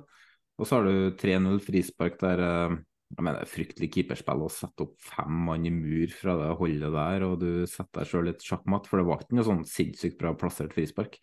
Eh, det er noe en keeper skal ta, eh, men Det er bra du ikke svartmaler det her helt nå. Ja, ja. Men, men så jeg kan godt si at Sarpsborg har litt tur på de målene de skårer, men dæven Bonzeba hadde noen muligheter til å skåre både ett og to. Spesielt den ene eh, hvor han curler ballen rett utenfor, er jo fryktelig svak avslutning. Men Bonsuba, med avslutningsferdigheter, er 100 mil. Også. Ja, Bonsuba er, eh, ble kåra til 59., tror jeg, beste spilleren i Europa, eller av talenter nå. da. Så hvis han får til litt bedre avslutningsferdigheter, så tror jeg vi har noe virkelig stort på gang. Og så har vi jo hatt suksess med spillere fra Afrika tidligere. Eh, men ulempen der da, har vært at de har brukt ekstremt lang tid på å spille seg inn i laget. Eh, og de kan ikke språket. Eh, det har vel nesten gått et år eller en sesong da, før de liksom har begynt å spille. Men Bonsubar gikk gikk jo rett inn på laget, snakker engelsk. Og er rett og virker som en veldig jovial og fin fyr. Så blir veldig overraska hvis det ikke blir uh, ny uh, salgsrekord for uh, Sarpsborg. Mm. Det tror jeg òg, for uh, det er ufattelig stort talent. Og hver gang jeg har sett Sarpsborg i år, så har han vært en Han er nærmest en attraksjon, men så mangler han jo det sluttproduktet ennå. Mm. Vi sier oss ferdig med runden nå, og vi skal gå, eller i hvert fall kampene. Så skal vi gå over til um, rundens pluss og minus. Frank, har du en eh, pluss til oss? Jeg kan ikke komme utenom eh, Strømsgodset. Eh, rundens pluss er disiplin av en annen verden. Det er så, det er så solid det de leverer defensivt, og det er min rundens pluss. Ja, ikke veldig overraskende. Runden pluss går til Sarpsborg. Det er tredje strake seieren på Lerkendal. Det lar seg høre. Uh, jeg, kommer, jeg, kommer, heller ikke utenom uh, Sarpsborg Nei, Sarpsborg, sier jeg, men Strømskose. Nei, nå var du sur. Hei, du. Jeg, men jeg vil heller gå spesifikt. Avslutninga til Gulliksen. Iskald. Iskald. Jeg elsker sånne avslutninger. Også at han kjører noe samefeiring, da. Det, det, snakker jo til meg. Det gjør det. Ice in, ice in my veins. Nydelig. Mm. Jeg vurderte om jeg skulle ta den defensive strukturen til godset som rundens pluss, for det var en nytelse å se på. Snakk om å være lojal til kampplan. Eh, men jeg vil gi min pluss til Rosenborg-spillerne. Um, ja, det ble stilt nå. Nå har det ramla for oss. Nå, nå, tenker, ja, nå har det rabla for Jonas, men uh, det tenker sikkert lytterne òg. Men nei da. Uh, jeg vil uh, gi det til spillerne som tidligere Altså, det har jo vært en del bannere på brakka og Lerkendal, det har det jo vært. Um, men nå var det Rosenborg-spillerne sin tur. For tidligere i uka så arrangerte Kjernen supportercup på Lerkendal. Og da benytta spillerne anledninga til å henge opp banner med teksten 1-0 er bedre enn 5-4. Kynisme is everything. Det er humor. Uh, det syns jeg er høyt klasse, høy klasse. Og så vil jeg trekke fram Tifon, som, uh, som Øvre Øst uh, dro opp i, i, går for å hedre klubblegende, nemlig Mike Jensen. En av de bedre tifoene jeg har sett i norsk fotball, faktisk. Jeg skulle ut og skyte inn der at du, når du først er inne på oppheng og TIFO, så måtte du komme Øvre Øst også. Fy faen, den er, det er høy klasse det de leverte.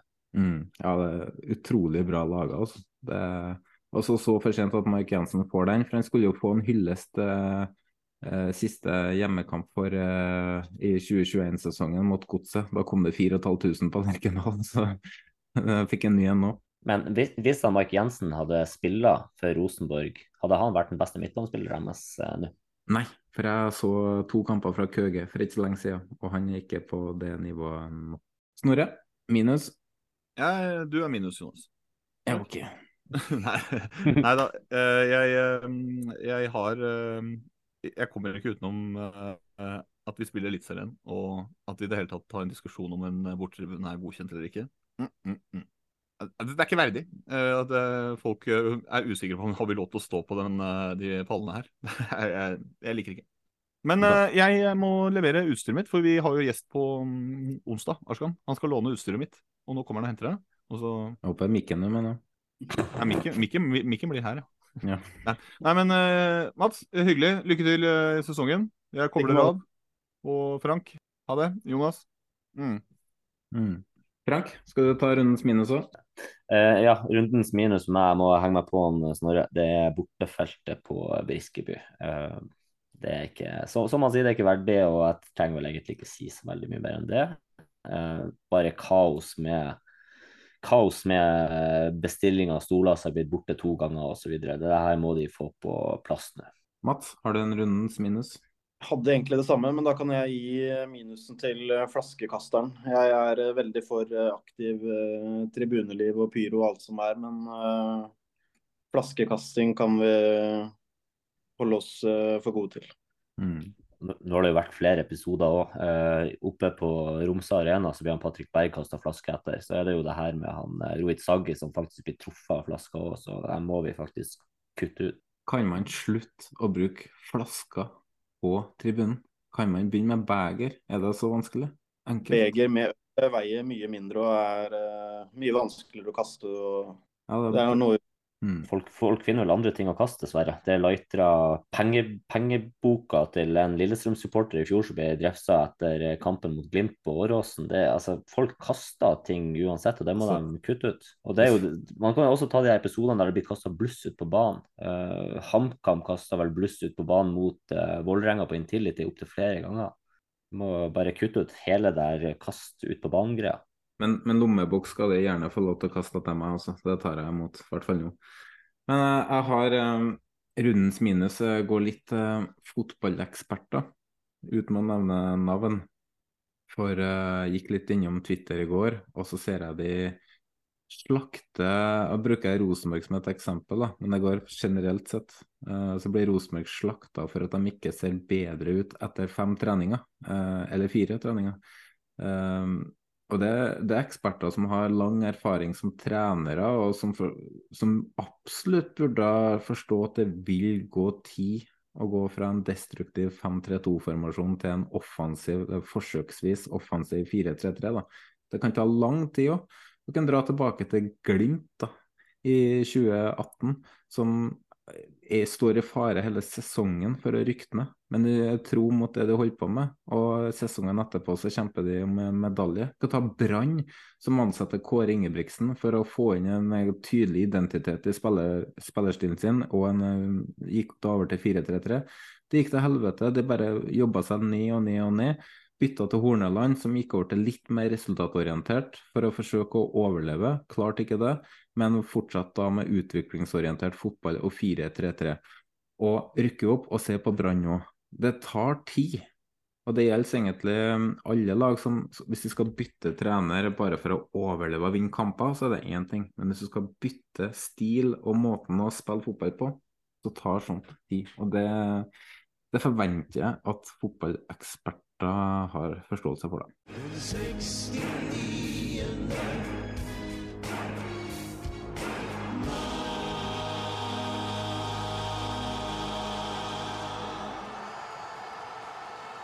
Vi går innom cupen, for det skal spilles cuprunde på onsdag.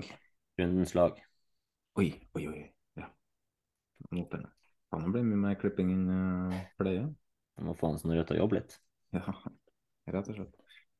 Eh, men eh, før vi runder av uh, runden som har vært, så må vi innom uh, rundens lag og rundens stjerner. Frank, du har oversikt på det? Ja, og rundens lag denne gangen er egentlig dominert veldig av noen få klubber. Det er noen klubber som har levert betydelig bedre enn resten av klubbene. Og så er det jo det at det er to kamper som ikke er blitt spilla, så det er jo tolv lag og ikke 16. Ja, vi, vi, kan jo egentlig starte med å avsløre da, at uh, Molde vinner jo 1-0. Odd vinner 1-0. Og ingen har spillere på rundens lag. Eller de har i troppen, men ikke på laget. Elveren. Ja da, de er, Odd og Molde har én spiller Molde har to, uh, Odd har én, og det er på benk, da. Men uh, hvis vi skal gå gjennom rundens lag her nå, så starter vi bakerst med Myra i mål. Utvik, Valsvik og Brekalo som stoppere. Vilsvik og Vikne som eh, wingbacker. Torp og Yttergård Jensen sentralt i banen. Bonsuba og Tripic på hver sin kant, og Brauten på topp. Benken er da Valsted, eh, Dahl, Painsil, Jasbekk, Kitolano, Gulliksen og Brynildsen. Og hvem har vi gitt stjernene til? Stjernene det er gått eh, tre stjerner til Bonsuba. Det er gått to stjerner til Viljar Myhra og ei stjerne til Slatko Tripic. Kan jeg si det sånn at det var, vi var enige, alle fire, om eh, det laget til slutt. Men det var ganske mange som var innom diskusjonen etter hvert. Så... Det, var, det, var, mange spillere, men det var igjen veldig ofte fra de samme klubbene. Det var mm. noen klubber som virkelig stakk seg ut denne runden her i forhold til eh, resten, og det håper jeg at lytterne egentlig har kjent igjen i forhold til hvordan vi har snakka om kampene nå, da. Mm. Men da går vi videre til cupen, som skal spilles i midtuka. Og ja, vi kan jo trenger ikke å dra gjennom alle kampene som spilles, men uh, Mats, det pleier jo å bli smelta noen cupbomber her og der. Uh, av de kampene som spilles nå, greier du å se hvor den bomben uh, smeller? Den smeller i Stjørdals-blink mot Vålerenga. Oi, oi, oi. Ja. Det er min spådom. Bra han Snorre logga av. Snorre er sikkert helt enig, men uh, ja, det, det er veldig spennende. Mm. Nå mangler jo Stjørdalsblink keeperen sin da, og kaptein Rasmus Sandberg, som er på U21-samling. Uh, eh, så det er jo en uh, Det blir jo en svekkelse for dem. Men uh, ja, den, den, kan godt smelle av der, altså. Det har jo gjort det tidligere i år, Stjørdalsblink, når de slo Rosenborg. Hva tenker du, Frank? Nei, først så vil jeg dra frem de to kampene der det er eliteserielag mot hverandre. Det tror jeg blir to gode kamper. Det er Molde mot Godset og Glimt mot Tromsø. og det, det, blir litt sånn, det er ikke bombe at et eliteserielag går ut i de to kampene, for det blir jo skje uansett. Uh, men ser jeg på resten av kampene, så føler jeg egentlig at eliteserielagene skal jo være klare favoritter. Og det er jo ordentlig klare favoritter òg, men klarer HamKam det her? Kan Gjøvik-Lyn faktisk gå på og smelle de ut nå i fjerde runde og ta seg til en kvartfinale? Jeg har merka de som en eh, potensiell cupbombe, sammen med eh, vil jo si Kjelsås KFUM, hvis man kan kalle det en eh, cupbombe. Det er jo bare en divisjon mellom. Eh, men Kjelsås Ja. er jo ikke god på hjemmebane, altså. Har vel Kjelsås eh, gjort det ganske bra i cupen nå da, i forhold til hva motstand de har hatt, så det har jo vært artig hvis de tok seg videre. Men eh, ja, jeg vet ikke om jeg vil kalle det skikkelig bombe. Ei lita Nei. bombe. Ei lit- ei lita bombe. Kjelsås blir omtalt som Nord-Europas beste hjemmelag, faktisk. Så det, det kan hende at KFUM ryker der, og det vil jo være svakt av KFM sånn sett, som en divisjon bedre. Kanskje ikke cupbombe, men Gjøviklyn og Kamma, der um, tror jeg det detoneres en cupbombe. For eh, Brattvåg har jeg vært med og spilt mot i år, topp på sidelinja riktignok. Uh, de ser ikke bra ut i det hele tatt. Uh, og um, De snudde og slo ut Haugesund, da. Jo, men Haugesund der og da var ikke akkurat all verden. Men uh, Brattvåg er ikke et veldig bra fotballag, og det ligger på nedrykk i vår avdeling nå.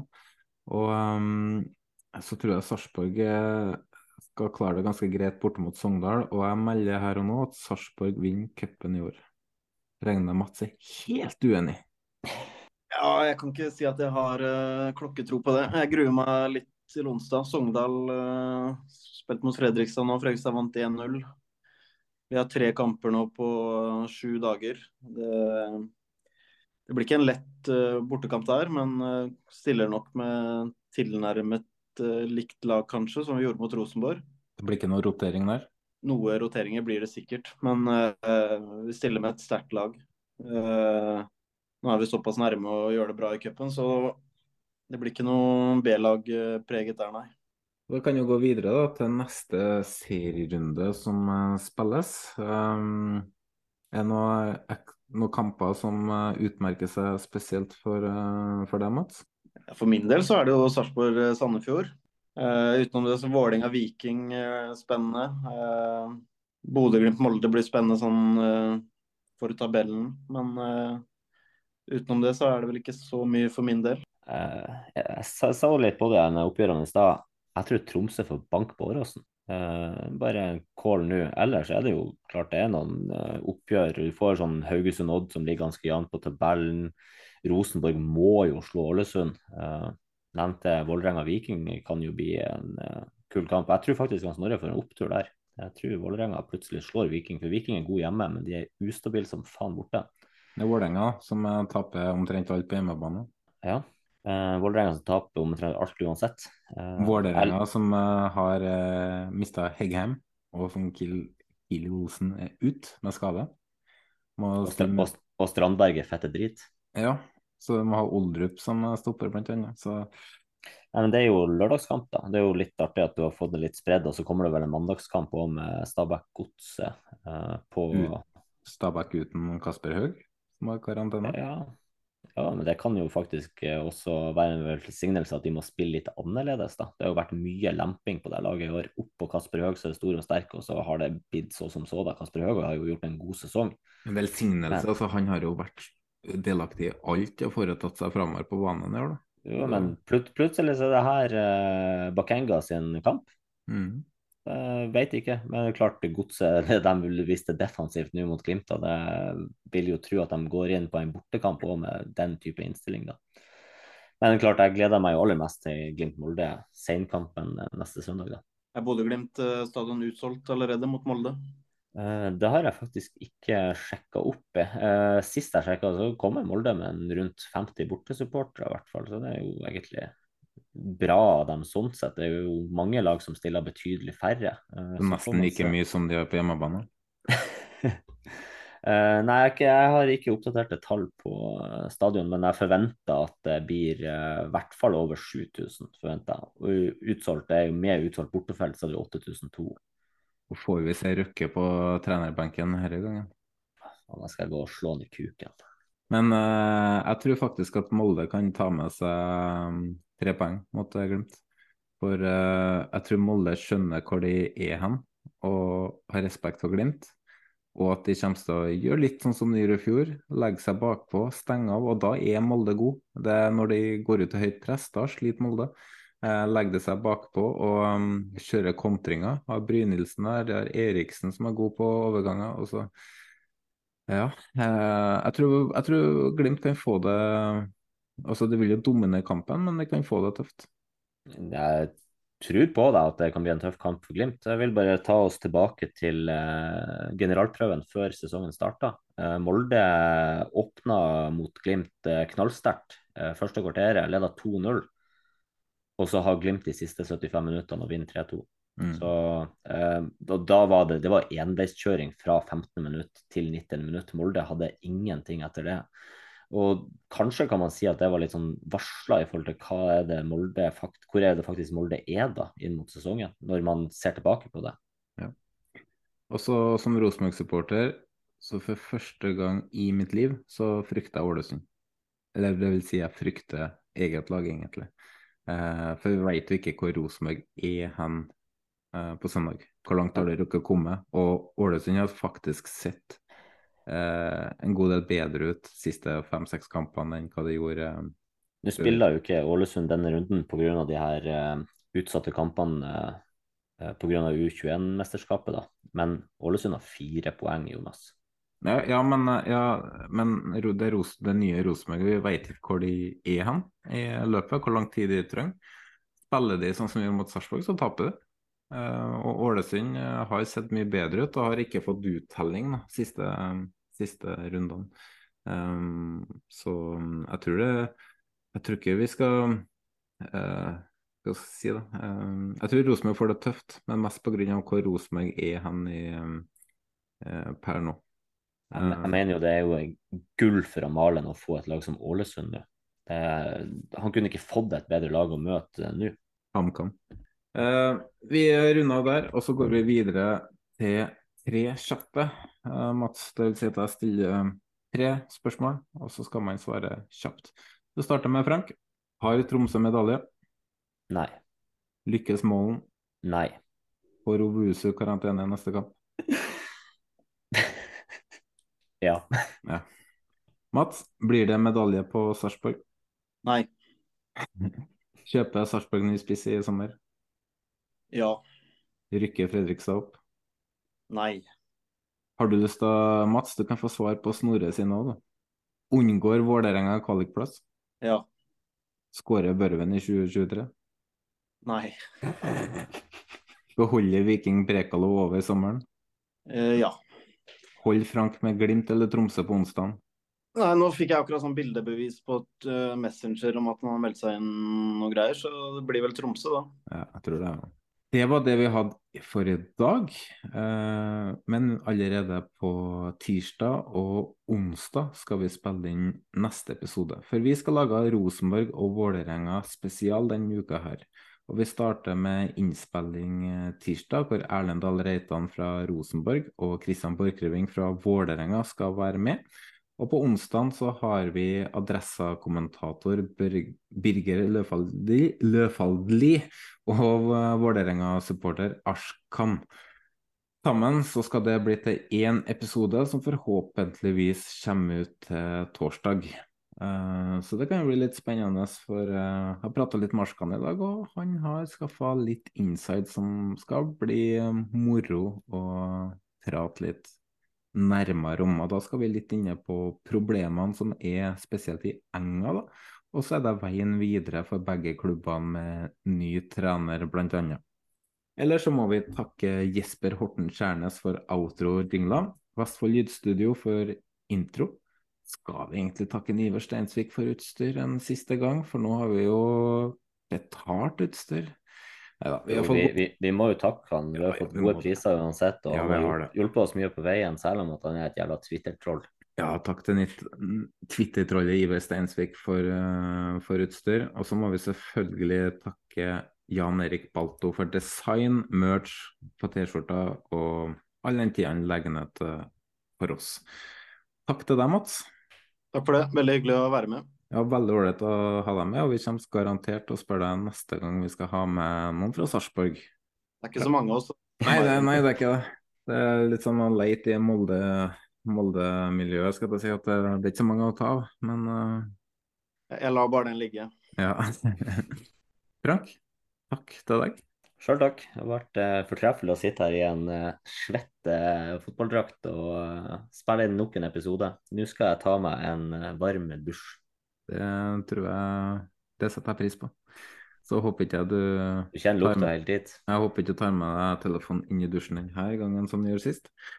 Og så, ja, snakkes vi senere. Ha det bra. Ah.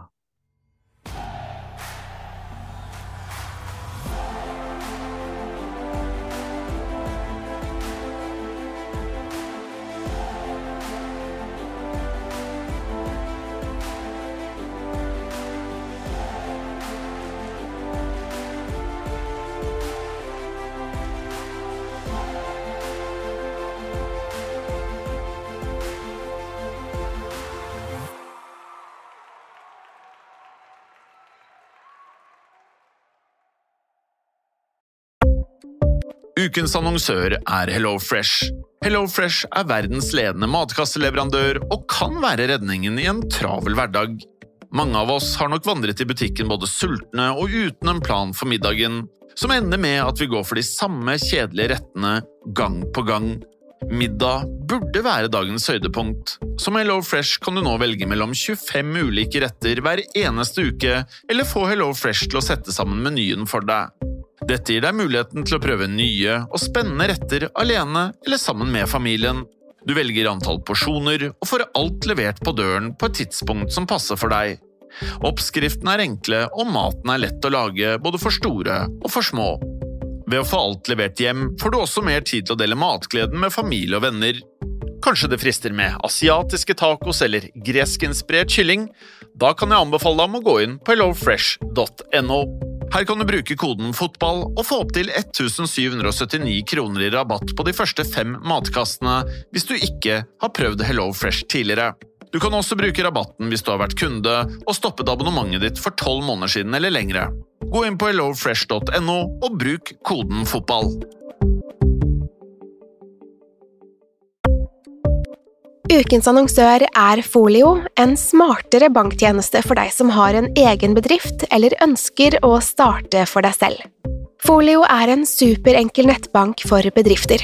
Som kunde i Folio får du en bedriftskonto med et bedriftskort og app. I denne appen er det smarte løsninger som forenkler regnskapet ditt, uansett om du har en liten bedrift eller et enkeltpersonsforetak. Folio er både intuitivt og brukervennlig, og er laget med et enkelt språk. I tillegg tilbyr de forutsigbare priser og ingen skjulte gebyrer. Skulle du likevel trenge det, så kan du snakke med deres raske og hyggelige kundeservice, og der får du prate med en faktisk person og ikke en chatbot. Folio er med andre ord både enklere og koseligere enn banken. Over 10 000 bedrifter har allerede valgt Folio som sin banktjeneste, så besøk folio.no og se hvordan Folio kan forenkle din hverdag også.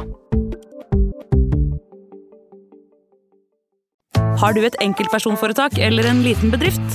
Da er du sikkert lei av å høre meg snakke om hvor enkelt det er med kvitteringer og bilag i fiken, så vi eh, gir oss her, vi.